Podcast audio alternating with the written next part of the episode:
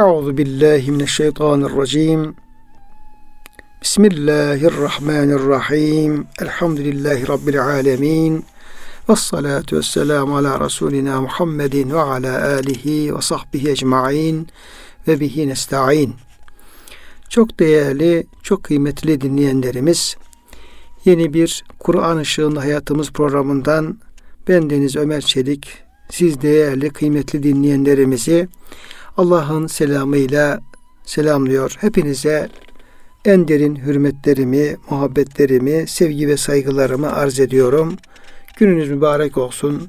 Cenab-ı Hak gönüllerimizi, yuvalarımızı, işyerlerimizi, dünyamızı, ukbamızı sonsuz rahmetiyle, feyziyle, bereketiyle doldursun.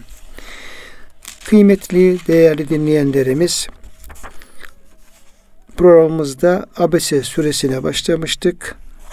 Bu surenin birinci ayetinin yüzünü ekşitti, kaşlarını çattı ve yüz çevirdi diye böyle başladığını ve bunun sebebi nüzüllerini Efendimiz Aleyhisselam'la ilgili olarak e, gelen rivayetleri ve ayetin iniş sebebini aktarmaya çalışmıştık e, bu ilk iki ayette. Ve Cenab-ı Hak Efendimiz Aleyhisselam Abese ve Tevella'daki gayip sigasıyla gelen bu ifadenin yüzünü ekşittiği ve e, sırtını döndü ifadesinin peygamberimizle ilgili olduğunu da beyan etmeye çalışmıştık müfessirlerimizin açıklamaları doğrultusunda. Bu üçüncü ayet-i kerimede Cenab-ı Hak Efendimiz Aleyhisselam'a bir soru yöneltiyor. Üç ve dördüncü ayet kerimelerde ve soru şu şekilde geliyor. Estaizu billah ve ma yudrike leallehu yezzekke. Resulüm o gelen amanın e, onun halini sana kim bildirdi, ne bildirdi? Leallehu yezzekke belki o temizlenecekti. Yezzekka kelimesi zeka kökünden geliyor. Tezekkide yine bu kökten geliyor.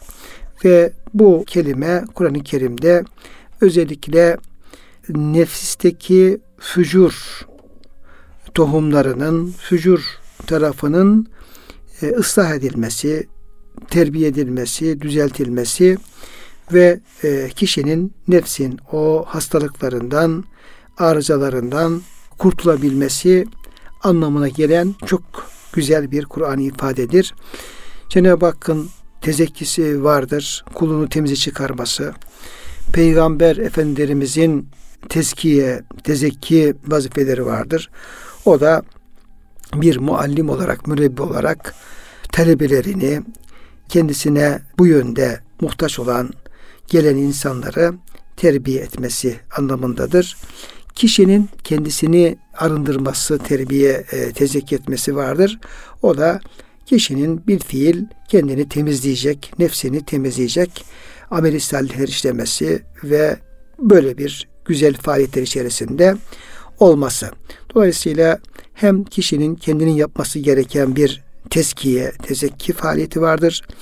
Hem tıpkı Peygamberimiz Aleyhisselam'ın yaptığı gibi yine mürebbilerin, muallimlerin, talebelere yönelik yapmış olduğu bir tezkiye faaliyeti vardır. Neticede bir Cenab-ı Hakk'ın e, tezekkisi vardır ki o da kulunu temize çıkarmasıdır. Eğer diyor Cenab-ı Hak dilemeseydi diyor hiçbiriniz diyor temize çıkamazdınız. E, siz, e, kimse sizi temize çıkaramazdı diye böyle e, Yüce Rabbimizin tezkiyesinden bahseden ayet-i kerimeler bulunmaktadır. Burada gelen ama Abdullah İbni Mektum radıyallahu an Efendimizin Peygamberimiz Aleyhisselam'a güzel niyetlerle geldiğini, ondan öğrenmek istediğini, öğrendikleri amel etmek e, istediğini e, ayet-i kerime bize bildirmektedir. Ayet-i kerimede kıymetli dinleyenlerimiz Cenab-ı Hak lealle fiilini kullanıyor. Lealle belki o diye beyan buyuruyor. Cenab-ı Hak o gelen kişinin niyetinin ne olduğunu, kalbinde nasıl bir e, niyet taşıdığını ve ne yapacağını, sonucun ne olacağını Cenab-ı Hak çok iyi bildiği halde niçin belki de ifadesini kullanıyor. Halbuki Cenab-ı Hak hepsini biliyor. Cenab-ı Hakk'ın dolayısıyla bu fiil Cenab-ı Hak'la ilgili kullanılınca belki ihtimal anlamına gelmez ve kesinlik anlamına taşır. Yani kesinlikle o e, temizlenecek anlamında. Ama Peygamberimiz Aleyhisselam'la ilgili olarak veya bizimle ilgili olarak leale konulduğu zaman biz her şeyi bilemediğimiz için, geleceği bilmediğimiz için, insanların kalbini bilmediğimiz için, sonuç ne olacak bilemediğimiz için orada Cenab-ı Hakk'ın bildiği bizim bilmediğimiz durumlar söz konusu olduğu için e, bizim açımızdan leanne belki de anlamını ifade edebilmektedir. Veya ev yezzekkeru fetenfe'ahu zikra o gelen kişi yani öğrenecek ve arınacak, tezkiye olacak, yani Müslümanlığı güzelleşecek, imanı kavleşecek, ihlası artacak. Ev yezzekkeru fetenfa'u zikra veyahut da ki efendim bu e, ya ya da anlamına gelebilir. Hem hem de anlamına gelebilir. Buradaki ev edatı. E, dolayısıyla ev yezzekkeru ve öğüt alacak. Senin anlattıklarından, okuduğun ayetlerden, yapacağın açıklamalardan öğüt alacak. Fetenfe'ahu zikra ve almış olduğu bu e, öğütler, nasihatler, bilgilerde ona fayda vermiş olacak. Burada kıymetli değerli dinleyenlerimiz birinci bir önceki ayet-i kerimede tezeki kelimesi kullanıldı. Yani temize çıkma anlamında.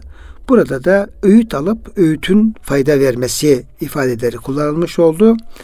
Dolayısıyla burada şöyle anlamlar üzerine durmuş müfessirlerimiz. Mesela Zemahşeri şöyle bir anlam veriyor e, ayet-i kerimeye. Sen sana gelen bu kişiden temizlenme veya öğüt alma fiillerinden hangisinin beklenmiş olduğunu bilemezsin. Şayet bilseydin bu yapmış olduğun hareketi yapmazdın. Yani bu gelen kişi sıradan bir insan değil, sıradan bir niyette gelmiyor. Çok güzel niyetlerle geliyor. Eğer onun kalbindeki sana gelirken e, kalbindeki taşımış olduğu o güzel niyetleri, oradaki ihlası, onları var olduğu haliyle, şekliyle bilebilmiş olsaydın kesinlikle ona daha dikkatli davranırdın, ona yönelirdin ve böyle e, bir ikaz alabilecek bir durum söz konusu olmazdı. Yine buradaki bir önceki ayet-i kerimedeki yezzekka kullanılması bu ayette yezzekkaru kullanılması iki farklı e, durumu bize aktarmış oluyor. Tezekki daha ziyade günahlardan temizlenme iyi kastediyor. O kişi gelecek, senden öğrenecek ne helaldir ne haramdır. Dolayısıyla Cenab-ı Hakk'ın haram kıldığı şeylerden uzak duracak, mekruhtan uzak duracak ve bu şekilde arınmış olacak. Bu ayetteki öğüt alıp yani tezekkür ve bu tezekkürün fayda vermesi ise bu da itaatlerle ilgili. İtaatlerle bezeme kablinden olduğuna işaret edildiğinde müfessirlerimiz beyan ediyorlar. Yine bu ayeti kerime öğüt alıp bu öğütün fayda vermesi anlamında kafirlerin temizlenmesi için onlara yönelen kimsenin bu yönelmesinin ardından kafirlerden bir temizlenme ve öğüt alma beklememesi gerektiğini ona işaret etmektedir. Ayrıca bu ayette işaret edildiği üzere alime layık olan alime, bir terbiyeciye, öğreticiye layık olan öğrencisine bilgi verirken onun temizlenmesini kastetmesi ve sıradan insanların yaptıkları gibi onun biçimine, kılık kıyafetine bakmaması. Yani o gelen kişi ama olabilir, fakir olabilir, başka böyle zahiren eksik tarafları olabilir. Ama orada madem ki bir güzel niyetle geliyor hocasının, muallimin, mürebbinin huzuruna o da ona o değeri vermesi, vermesi gerekmektedir. Öğrenciye gereken de ilim öğrenirken kendi nefsini sapıklığın, sapkınlığın kirlerinden ve kalbini cehaletin pisliklerinden temizlemeyi hedeflemesidir. Yoksa bas, basit ve değersiz olan dünya metaını arzulamamasıdır. Dolayısıyla değerli kıymetli dinleyenlerimiz. Burada Cenab-ı Hak bir taraftan bize bir olayı anlatıyor. Bir amanın peygamberimize gelmesini, peygamberimizin ona olan muamelesini, orada olan biten hadiseleri anlatırken bir taraftan da muallim öğretmen ne yapmalı, hangi niyetle talebesini okutmalı, ona öğretmeli, öğrenci hangi niyetle ilim tahsil etmeli, bunların da bize usulünü, metodunu ve yollarını Yüce Rabbimiz öğretmiş oluyor. Yani ne yapacak? Talebe ilim tahsil ederken niyeti tezekki olacak. Kendisini lüzumsuz e, işlerden, sözlerden, laviyattan, haramlardan, mikruhlardan uzaklaştırma niyetiyle ilim tahsil edecek, öğrendiğiyle amel edecek ve hep arınmasına bu bildikleri yardımcı olacak. İkinci olarak da yine o bilgileri gereğini yapıp o itaatleri, taatleri yerine getirerek e, ondan istifade etme, faydalanma maksadıyla bunu yapacak. Dolayısıyla burada bir talebenin ilim tahsil ederken ki niyetinin çok önemli olduğunu anlamış oluyoruz. Cenab-ı Hak bu güzel niyetlerle ilim tahsil eden kulunu sevdiğini, ona değer verdiğini ama elde etmek istediği ilimle böyle yüksek e, manevi gayeler değil de dünya metaı ve yine böyle basit şeylerin peşinde olursa onun Cenab-ı Hakk'ın razı olduğu, hoşnut olduğu bir ilim, talim ve taallümü olmadığını bize burada Cenab-ı Hak göstermiş oluyor. Niyetimiz bütün eğitim sistemimizin temelinde hem öğreten hem öğren açısından birinci madde tezekki olmalı. E, çünkü leallehu yezzekka buyuruyor. Tezekki olmalı.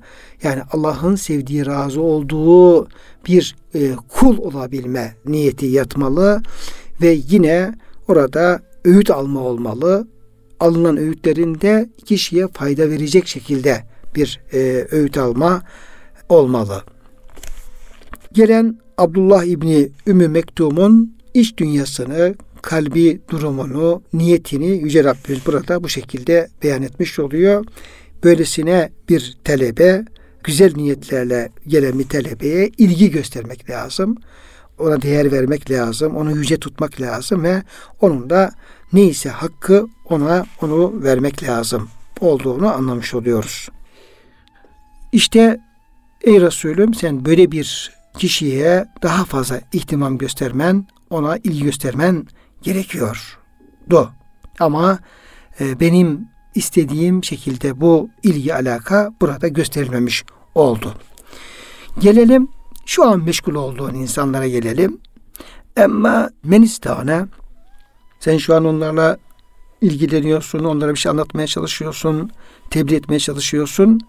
Ama bu kişinin hali istane, kendini muhtaç görmüyor. Müstani.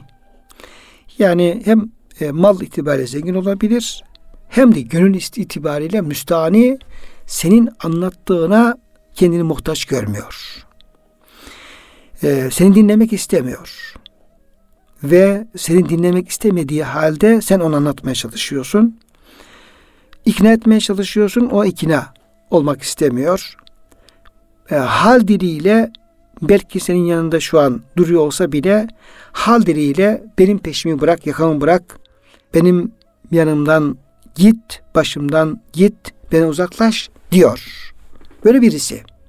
Ama sen ne yapıyorsun? Böyle birisiyle sana muhtaç olmayan, tebliğine ihtiyaç duymayan, anlattıklarını dinlemek istemeyen, istemiyorum yani bana konuşma, anlatma, seni dinlemek istemiyorum diyen, e bunu açıktan söyleyen veyahut da hiç değilse hal diliyle bunu net bir şekilde sana yansıtan birisi var. Ama sen ne yapıyorsun? Fe ente lehu tasadda sen ona yöneliyorsun. Onun peşine takılıyorsun. Onu ısrarla bir şey anlatmaya çalışıyorsun. Ee, Müslüman olmasını istiyorsun. Olursa çok iyi olur diyorsun. Yani işte Mekke'nin falan ulusu falan büyüğü falan kabile reisi biraz malı mülkü Efendimiz Aleyhisselam onun malına kesinlikle şahsı adına talip değildir. göz dikmez. Bir beklentisi olmaz. Çünkü Cenab-ı Hak onunla ilgili başka ayetleri var.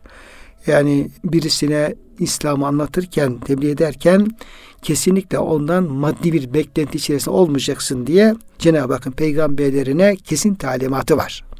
Onun için bütün peygamberlerde ve ma es'elüküm aleyhi min ecr in ecriye illa rabbil alemin ben e, sizden bir e, ücret istemiyorum. Benim ücretim alem Rabbi Allah'a aittir diye talimatı var Cenab-ı Hakk'ın. Peygamberler bunu dile getirmişlerdir. Dolayısıyla Peygamberimiz Aleyhisselam'ın ona yönelmesinin sebebi kesinlikle şahsi bir çıkar değildir. Tamamen İslam'ın, İslam dininin, Müslümanların menfaatini dikkate alarak e, yönelmektedir. Sen ona ne yapıyorsun? Ona yöneliyorsun. Amaya değil de bu kişiye yönelip onu işaret etmeye ve onu düzeltmeye özen gösteriyorsun. Bu ayeti kerime Peygamberimiz sallallahu aleyhi ve sellemi onlarla sohbetten son derece uzaklaştırma vardır. Bu tür e, insanlarla, bu tip insanlarla yani müstahını olan, dinlemek istemeyen, peygamberimize karşı, onun davetine karşı büyük denen, kibirlenen kişilere karşı onlarla beraber bulunmaktan ayet-i kerime uzaklaştırıyor. Gerek yok. Yani sen ancak innema tunziru men itteba zikra ve haşyer rahmane bil gayb. Sen ancak Kur'an'a tabi olan, görmediği halde Rahman'dan korkan, senin davetine, tebliğine muhtaç olan, muhtaçlığını hisseden kişileri uyarabilirsin. Onlar senin senin sözünü dinlerler diye. Dolayısıyla e, madem ki müstahane, madem e, kendini muhtaç görmüyor, dinlemek istemiyorsa dolayısıyla sen de ona fazla yönelmene gerek yok. Hatta ondan uzak durman daha faydalı olabilir.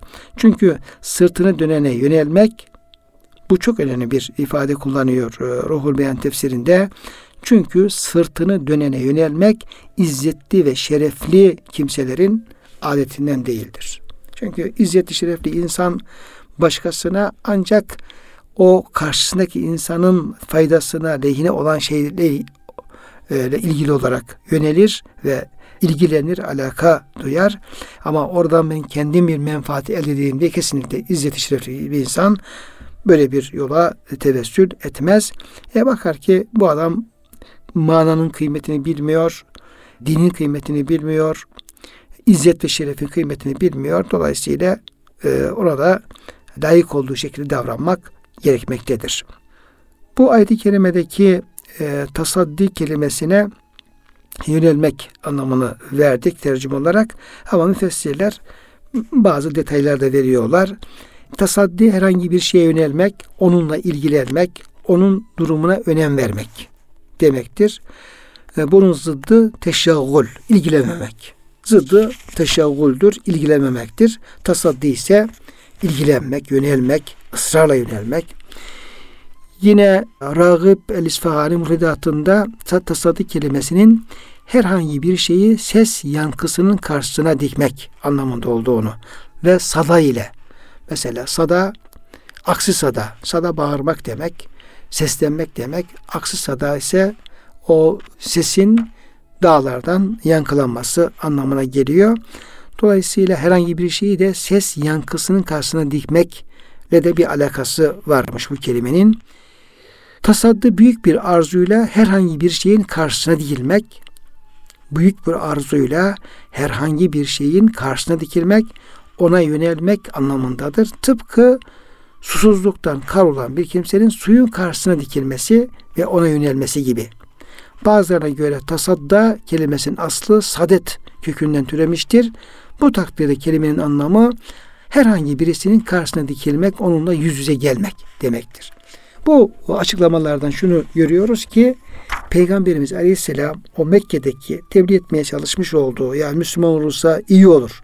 Hem şahsı için hem toplum için hem İslam için yani İslam kuvvetlenir, Müslümanlar kuvvetlenir.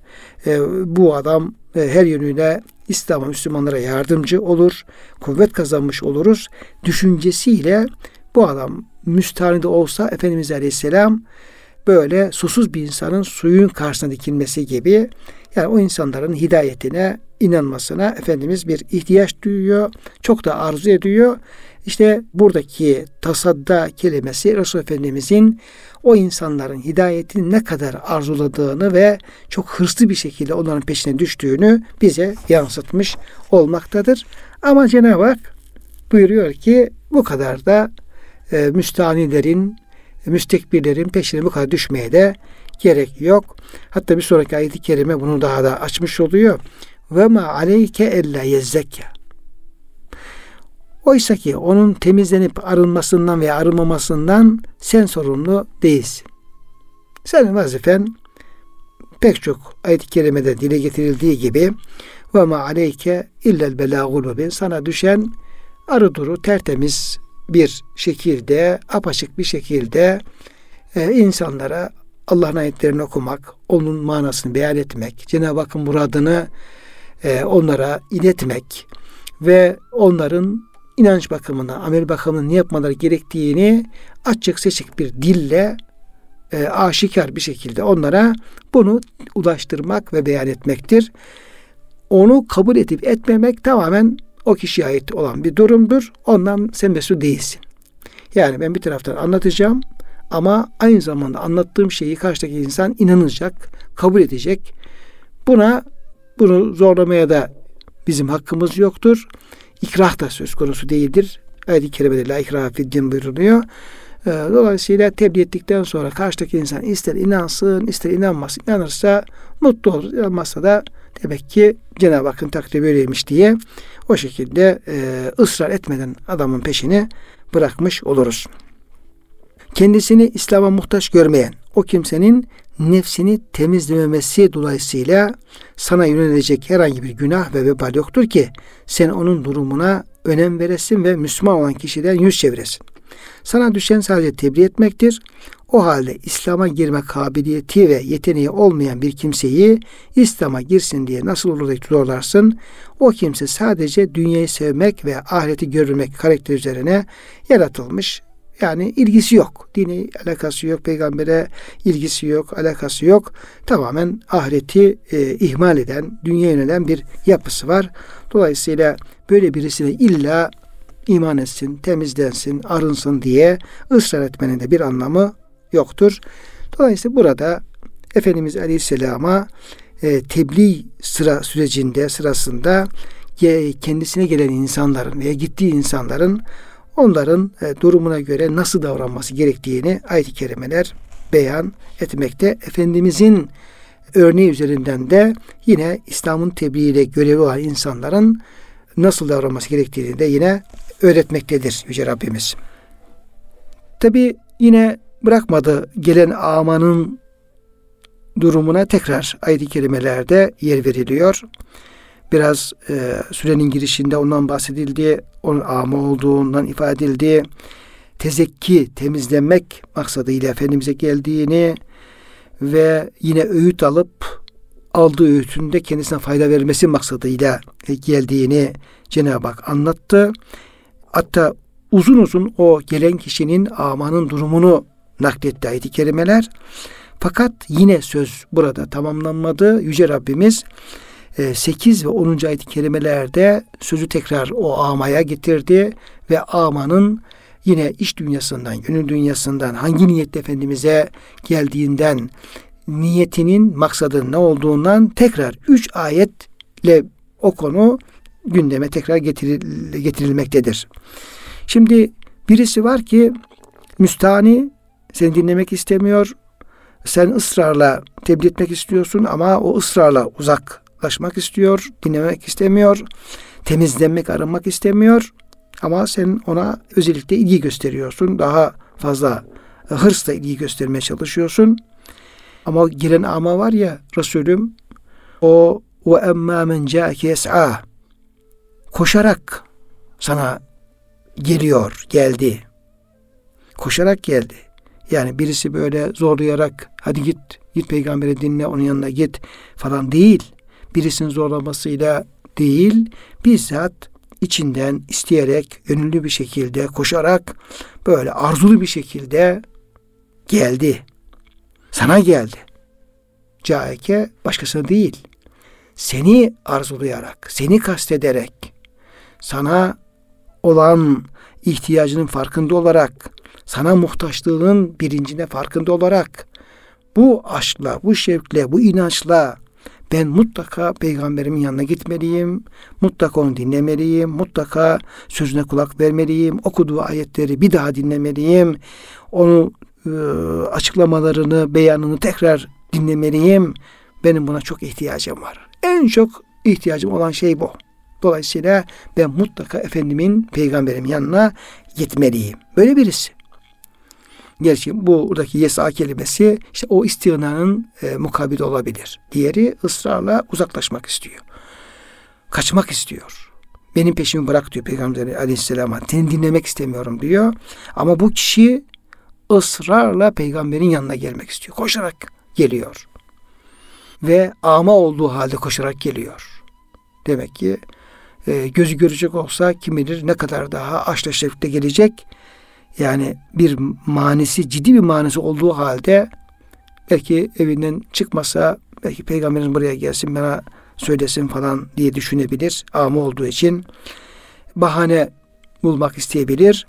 Ama hiçbir bahaneye sığınmadan e, amalığı da bir bahane, bir mani görmeden ama olmasına rağmen yes'a koşarak sana geliyor. Böyle birisi. Dolayısıyla burada ayet-i kerimelerde burada Resulullah Efendimiz Aleyhisselam'ın e, tebliği sırasında orada bulunan insanların ruh halleri, kalbi durumları, aşkları, şevkleri, niyetleri, düşünceleri çok derin bir şekilde bize yansıtılmış oluyor. Oluyor aynı zamanda da bizim Allah'a, Allah'ın peygamberine, Allah'ın dinine, Allah'ın dininin e, emirlerine karşı kalbi durumumuzun ne olduğunu da onun muhasebesini yapmaya ayetleri davet ediyor. Biz ne konumdayız? Resulullah'a koşma noktasında, Resulullah'a gelme noktasında, onu dinleme noktasında, ona muhtaçlık noktasında bizim kalbi durumumuz nedir? Bir de orasını okumuş oluyoruz. Yani o gelen ama gibi miyiz? Koşarak mı geliyoruz? Korkarak mı geliyoruz? Ve isteyerek mi geliyoruz? Yoksa Efendimizin o karşısında bulunan kişiler gibi müstahni miyiz? Artık bir işba, doygunluk noktasına mı gelmiş olduk? Allah Resulullah Allah'ın buyruğu dediği, dendiği zaman ne haldeyiz? Onun da ayet-i kerimeler bize bir muhasebesini yaptırmış oluyor. Ve emma men yes'a şu kimse ki koşarak sana geldi, sana geliyor. Başka ne durumda? Ve huve yakşa ve aynı zamanda bir de haşyeti var. Yani korkuyor. Neden korkuyor? Allah'tan korkuyor. Neden korkuyor? Ahiretten korkuyor. Hesaptan korkuyor. Ben acaba hesabımı düzgün verebilir miyim? Cehennemden kendimi kurtarabilir miyim? Acaba Rabbimin rahmetine erebilir miyim diye bir de korkusu var. Belki de esas onun sana koşarak gelmesinin en önemli sebebi de kalbindeki o korku. Böyle birisi. Peki sen ne yapıyorsun? Fe ente anhu telehha. Şimdi bu telehhada tasadda kelimesinin tam zıddı. Sen onunla ilgilenmiyorsun. Sen onunla gereği gibi alakadar olmuyorsun. Halbuki ne yapman lazım? Burada daha fazla ona efendim ilgi göstermen lazım. Burada kullanılan teleha kelimesi bu tasaddanın zıddı. Tasadda da ısrarla ilgilenmek, ısrarla o, o kişinin yanına gitmek, ısrarla onun hidayetine talip olmak, dinlemiyor ama böyle ısrarla dinletmeye çalışmak, bir daha anlatmak gibi o ilgi alakanın e, yüksekliğini bize haber veriyordu tasadda kelimesi. Telaha kelimesi ise e, ilgilenmiyorsun şeklinde burada tercüme ettik. Bu kelimenin anlamı aslında yüz çevirmek demek. Ee, yoksa bu fiil oynamak anlamına gelen leha yelhu lehven kökünden değildir. Çünkü fiilin faili Peygamber Efendimiz Aleyhisselam'dır. Şu halde onun yüce şanına oynamak yani lehiv kökünden oynamak fiilin nisbedilmesi doğru değildir. Yani sen onunla alay ediyorsun, oynuyorsun anlamında Efendimizin böyle bir şey yapması mümkün değil. Dolayısıyla kelime e, oynamak e, anlamındaki bir kökten değil de ilgilenmemek anlamındaki bir kökten geldiğini ortaya çıkarmış oluyoruz. Ama onun bir maslahat gereği herhangi bir şeyle ilgilenmemesi mümkündür. Yine bununla ilgili olarak şöyle bir açıklamada yapılmıştır. Telaha kelimesiyle ilgili olarak ayette geçen telaha fiilini lev kökünden alsak ve gaflet ehliyle ilgilenmeyi herhangi bir fayda getirmeyen boş bir iş olduğu için lehiv ve lav kabilinden saysak bu da mantıklı bir açıklama olmaktan uzak sayılmaz. Ancak yukarıdaki açıklamadan davetle meşguliyetin abesli iştigal olduğu gibi bir anlam çıkmaktadır. Oysa bunun bir mümin söyleyemez. Çünkü Peygamber Efendimizin gaflet içinde kimselerle meşguliyeti ancak tebliğ ve irşat yoluyladır. Böyle bir tebliğ ve irşattan herhangi bir fayda çıkmayacağını söylemek nasıl doğru olabilir? Dolayısıyla burada daha kelimeyle alakalı olarak tahlilleri yapılabilir. Ama durum ortaya çıkmış oluyor. Yüce Rabbimizin e, maksadı da anlaşılmış oluyor. Cenab-ı Hak Efendimiz Aleyhisselam'a kiminle ne kadar ne şekilde ilgilenmesi gerektiğini burada öğretmiş oluyor. E, dikkatlerini çekmiş oluyor.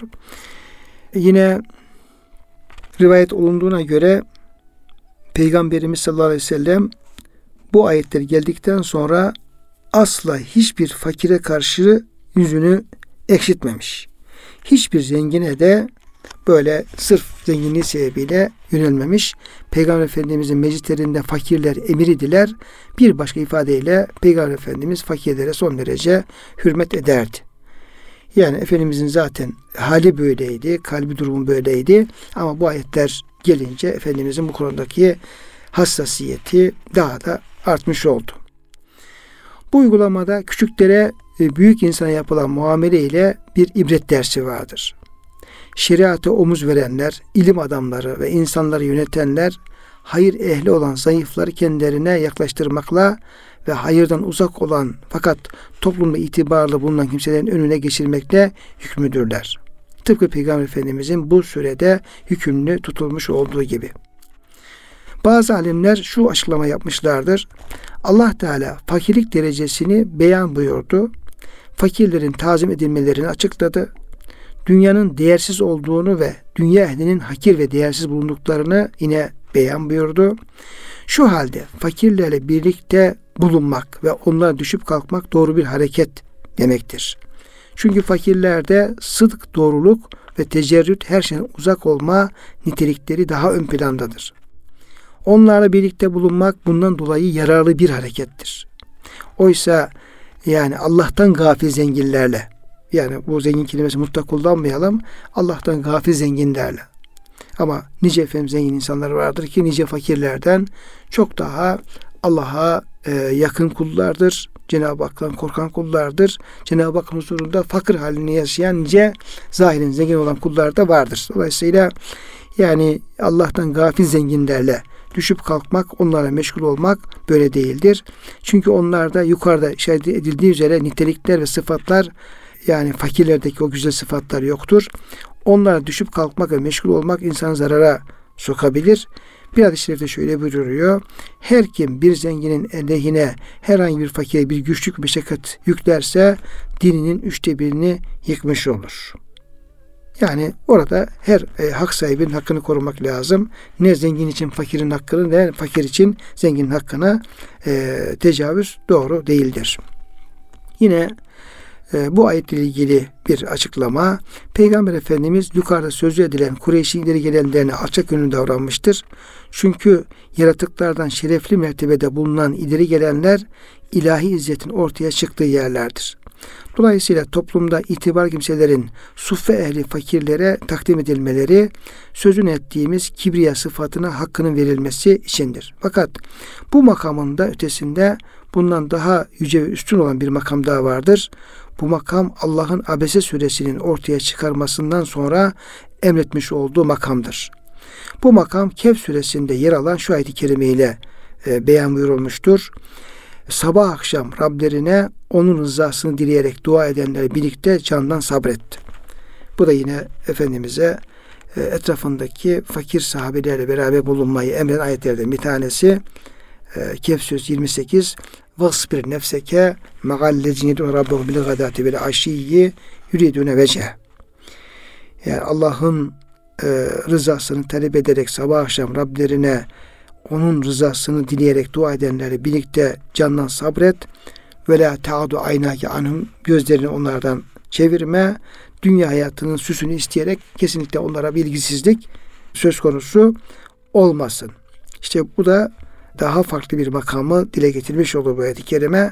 Allah Peygamber Efendimiz'e bu son ayette zenginlere yönelme hususunda herhangi bir bahane ve gerekçe ileri sürmemesini emrediyor. Çünkü ayette mutlak olarak sabah akşam Rabbine dua edenlerle birlikte sabretmesi emrediliyor. Bu ifade tıpkı acıktım beni doyurmadın, susadım beni sulamadın hadisi kusisindeki ifadeye ve oradaki mantığa benzemektedir.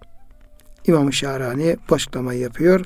Çünkü oradaki hadisi kutsuda Efendimiz'e e, Cenab-ı Hak Efendimiz'in bize aktardığına göre e, diyor ki ey kulum diyor ben acıktım beni yedirmedin. E, kul diyecek ki ya Rabbi sen yemekten içmekten münezzehsin ve e, ben seni nasıl yedireyim? Diyecek ki falan kulum aç idi eğer onu yedirseydi beni yedirmiş olacaktın. Yani benim rızamı kazanmış olacaktın. Ey kulum ben susadım beni içirmedin diyecek. Diyecek ya Rabbi sen su içmekten münezzehsin. Falan kulum susuz idi. Eğer onu sulasaydın, su içirseydin beni içirmiş olacaktın. Dolayısıyla burada Yüce Rabbimiz burada o fakirlerle bulunma makamının çok daha yüksek bir makam olduğunu bu ayetlerde e, ifade etmiş olmaktadır. Kıymetli, değerli dinleyenlerimiz, bu ilk surenin ilk 10 e, ayetinde böyle Resulullah Efendimiz Aleyhisselam'ın tebliğ hayatından bir kesit bize nakledilmiş oluyor. Ve insanları değerlendirirken hangi kriterler ve kıstaslara göre hareket etmemiz gerektiği ile ilgili çok ilgi çekici bilgiler veriliyor. Allah katında değerin maddi varlıkla, zenginlikle veya toplum içindeki itibarla değil, Allah katındaki değerin kalbi hassasiyetler, Allah'a Resulullah koşarak gelmek gibi, Allah'tan korkmak gibi, e, kendimizi hep arındırmanın derdinde olmak gibi, Allah'a güzel bir kul olma niyetini taşımak gibi esas en büyük marifetin ve faziletin ve değerin bu olduğu bize bildirilmiş oluyor. Bizim de Resulullah Efendimiz Aleyhisselam'ın izinden gelen e, gitmesi gereken bizlerin de insanlarla olan muamelemiz ve ilişkimizin de bu şartlar çerçevesinde olması gerektiğini bize öğretmiş oluyor bu ilk ayetler. Ve peşinden Kur'an-ı Kerim'e söz getirilmiş oluyor. Cenab-ı Hak bu Kur'an-ı Kerim'i niye indirdi? Bu Kur'an-ı Kerim'in mahiyeti nedir? Ne şekilde geldi? Allah'ın bu vahyi, bu kitabı ne kadar değerlidir, ne kadar yücedir? Bunun kıymetini bilenler, bilmeyenler söz oraya getirilmiş olmaktadır. Ve mealen şöyle buyruluyor. Kella inneha tezkira Hayır ey Resulüm sen ben ne dersem o şekilde davranman gerekiyor. Kişileri işte bu ama, bu fakir, bu zengin tarzında ayırarak muamele etmeyeceksin. Kişilerin senin davetine olan ilgilerini dikkate alarak muamele edeceksin. Sana ve davetine kim daha fazla ilgi gösterir, gösteriyorsa ona daha fazla yöneleceksin. Kim müstahane davranıyorsa ona da ona göre muamele edeceksin. Böyle. Yani ben ne dersem, nasıl istersem o şekilde hareket edeceksin. Niye? İnneha tezkara. Çünkü bu göndermiş olduğum bu vahiy, Kur'an-ı Kerim, bu ayetler inna tezkira bir hatırlatmadır. Bir öğüttür. Allah'ın emirlerini hatırlatan, öğreten bir öğüttür. Bu gelen e, vahiyler. Femen şa'e zekara. Dileyen ondan Kur'an'dan öğüt alır. Dileyen. Yani kim isterse bu Allah'ın öğüdüdür. Cenab-ı Hakk'ın emridir. Cenab-ı Hakk'ın buyruklarıdır bunlar. Sen bunu tebliğ edersin. Dileyen onu öğüt alır. okur, dinler, anlar, yerini yapmaya çalışır. Dileyen de dilemeyebilir. Anlamak istemeyebilir, ilgi göstermeyebilir. Senin vazifen ancak tebliğ etmektir. Femen şazekara, dileyen. Kim dilerse o. Burada tabi femen şa'daki efendim dileme şeyi e, Cenab-ı Hak'la ilgili değil. Bu o gelen kişiyle alakalı olan bir e, durumdur. Yani kula bağlı bir şey. Kul isterse bunu dinler, öğüt alır. İstemezse dinlemez, öğüt almaz. Tabi ona göre bir sonuç takdir edilmiş olur. Gelelim tekrar Cenab-ı Hakk'ın indirmiş olduğu bu Kur'an, Allah'ın öğütü olan bu Kur'an nerede bulunuyor? Fi suhufin mükerremetin. Bu ayetler sahifelerdedir. Mükerremetin çok değerli, çok şerefli, mukaddes sahifelerde bulunmaktadır. Yine bu sahifeler merfuatin çok yücedir. Kadri şerefi çok yüce olan sahifelerdir. Ve mutahharatin tertemiz sahifelerdedir. Kur'an-ı Kerim Allah'ın öğüdü olan bu Kur'an-ı Kerim çok değerli, mükerreme, çok şerefli, çok değerli sayfelerde merfuatin çok yüce, kadri şerefi yüce olan sayfelerde mutahharatin ve tertemiz sayfelerde yazılı olan bir kitaptır. Allah'ın bir öğüdüdür. Peki bu sayfelere bu ayetleri, Allah'ın bu öğüdünü kim yazdı? Bir eydi sefaratin bu ayetler, Allah'ın bu öğütleri, Allah'ın bu kitabı, Kur'an-ı Kerim, Kur'an'ın ayetleri sefere eliyle yazılmıştır. Yani Cenab-ı Hakk'ın görevlendirdiği yazıcı melekler eliyle yazılmıştır bunlar. Allah'ın elçileri, Allah'ın bu işte görevlendirdiği özel yazıcı melekler eliyle yazılmıştır. Yine bu sefere yani ayetleri o sayfelere yazan o melekler birinci anlam melekler anlamı veriyoruz. Diğer anlamda vahiy katipleri anlamı veriyor müfessirler. Yine bunlar kiramin çok şerefli, çok değerli meleklerdir, yazıcılardır. Beraratin yine iyilik sahibi, iyi olan ve kendilerinde hiçbir kötülük bulunmayan, kötülük yapma özelliği bulunmayan yazıcı meleklerdir. Burada bu ayet-i kerimelerde Cenab-ı Hak Peygamberimiz Efendimiz Aleyhisselam'a indirmiş olduğu Kur'an-ı Kerim'in mahiyeti hakkında bilgi veriyor. Hem nasıl bir yüce kitap olduğunu bize bildiriyor ve bu kitabın aslının esasının nerede olduğunu bize haber veriyor ve yine Kur'an-ı Kerim'in ne kadar şerefli değerli bir kitap olduğunu bize haber vermiş oluyor. Kur'an-ı Kerim'in aslının lehvi mahfızda olduğunu birinci suhuftan maksat lehvi mahfuz ve Cenab-ı Hakk'ın bu ayetleri e, yazıcı melekler tarafından o lehvi mahfuzdaki sahifelerine yazılmıştır. Birin aslı oradadır. Dolayısıyla bu ayet-i kerimeleri açıklama mahiyetinde mesela Buruş suresinin son iki ayet-i kerimesi bel huve Kur'anun mecidun fi levh mahfuz. O çok şerefli bir Kur'an'dır ve onun aslı levh-i mahfuzdadır. İşte Soful Mükerreme o levh-i mahfuzu ifade ediyor bir anlama göre.